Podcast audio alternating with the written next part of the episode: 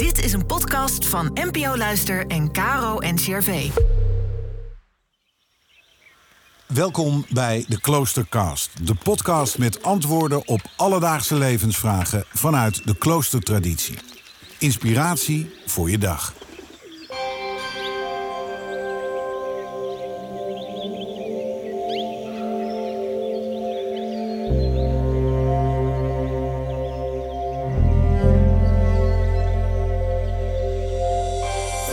Met het oog op de Tweede Kamerverkiezingen geven verschillende kloosterlingen antwoord op de vraag: wat is goed leiderschap?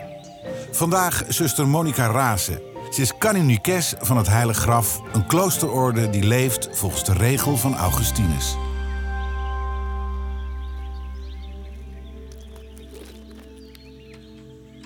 In de regel van Augustinus staat: de man of vrouw die bij u overste is, moet niet denken dat hij of zij macht heeft en de baas is, maar acht zich gelukkig dat hij of zij dient in liefde. Zowel in de regel van Augustinus als in Bijbelverhalen wordt leidinggevende gevraagd hun taak in dienstbaarheid te verrichten. Nu is dienstbaarheid niet zo vanzelfsprekend. Hoezo moet ik een ander dienen? Ik ben toch geen slaaf? Dienen in christelijk perspectief is geen slaafsheid, maar een gerichtheid op de medemens, zodat die medemens volledig tot ontplooiing kan komen. Dat betekent dat het eigen belang ondergeschikt is aan het belang van een ander.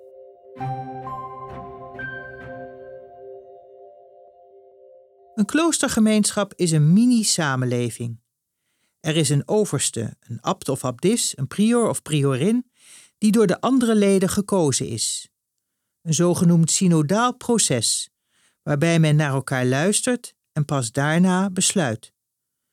Uiteraard tellen de kwaliteiten van een persoon daarbij mee. In een klooster is de overste als het ware de vader of moeder van de medebroeders of medezusters. Zoals een ouder het beste met zijn kinderen voor heeft, zo heeft een overste van een kloostergemeenschap het beste voor met de andere leden van de gemeenschap. De priorin die ik heb meegemaakt in het klooster was dienstbaar in alle opzichten. Ze voelde zich nooit te goed om mee te helpen, het eten op te dienen, een luisterend oor te hebben, er te zijn voor haar medezusters en velen daaromheen.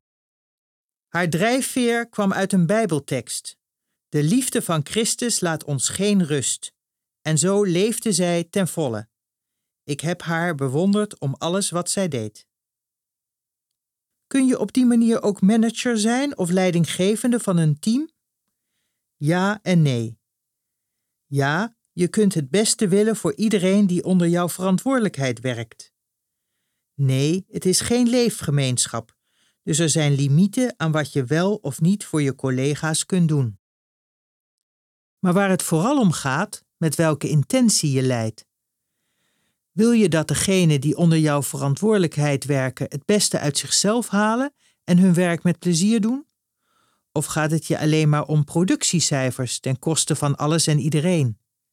Of vind je dat men jou op een voetstuk moet zetten omdat je de baas bent? Uiteindelijk moet er een eindverantwoordelijke zijn die de beslissingen neemt. Maar kan dat ook nadat de leidinggevende gehoord heeft wat er op de werkvloer speelt?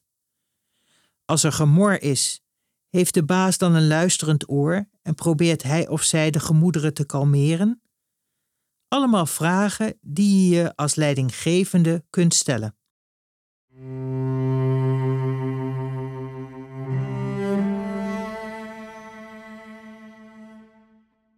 Makkelijk is het niet om op een dienende manier leiding te geven, want het betekent dat je sterk in je schoenen moet staan en soms wat kwetsbaarheid moet tonen. Als je in gelovig perspectief leeft, kun je kracht vinden bij God. In gebed kun je je vragen en zorgen bij God kwijt. Je krijgt niet meteen antwoord via een e-mail, app of telefoontje, maar als je ogen en oren goed openhoudt, dient zich een oplossing vaak aan. Meestal zie je dat pas achteraf. Er is iemand op je pad gekomen die je inzicht gaf, of iemand kwam te hulp, dat alles vraagt erom te reflecteren op eigen gedrag en op wat er gebeurt. God gebruikt mensen om dienend leiding te geven. Zijn wij soms die mensen?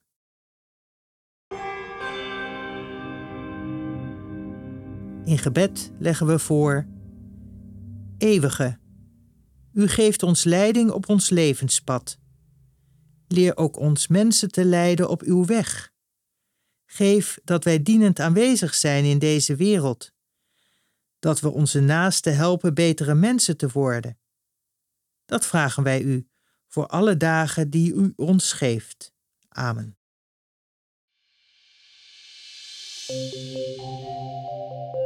Morgen in een nieuwe kloosterkast horen we kluisenaar Pater Hugo Beuker over de zoektocht naar stilte.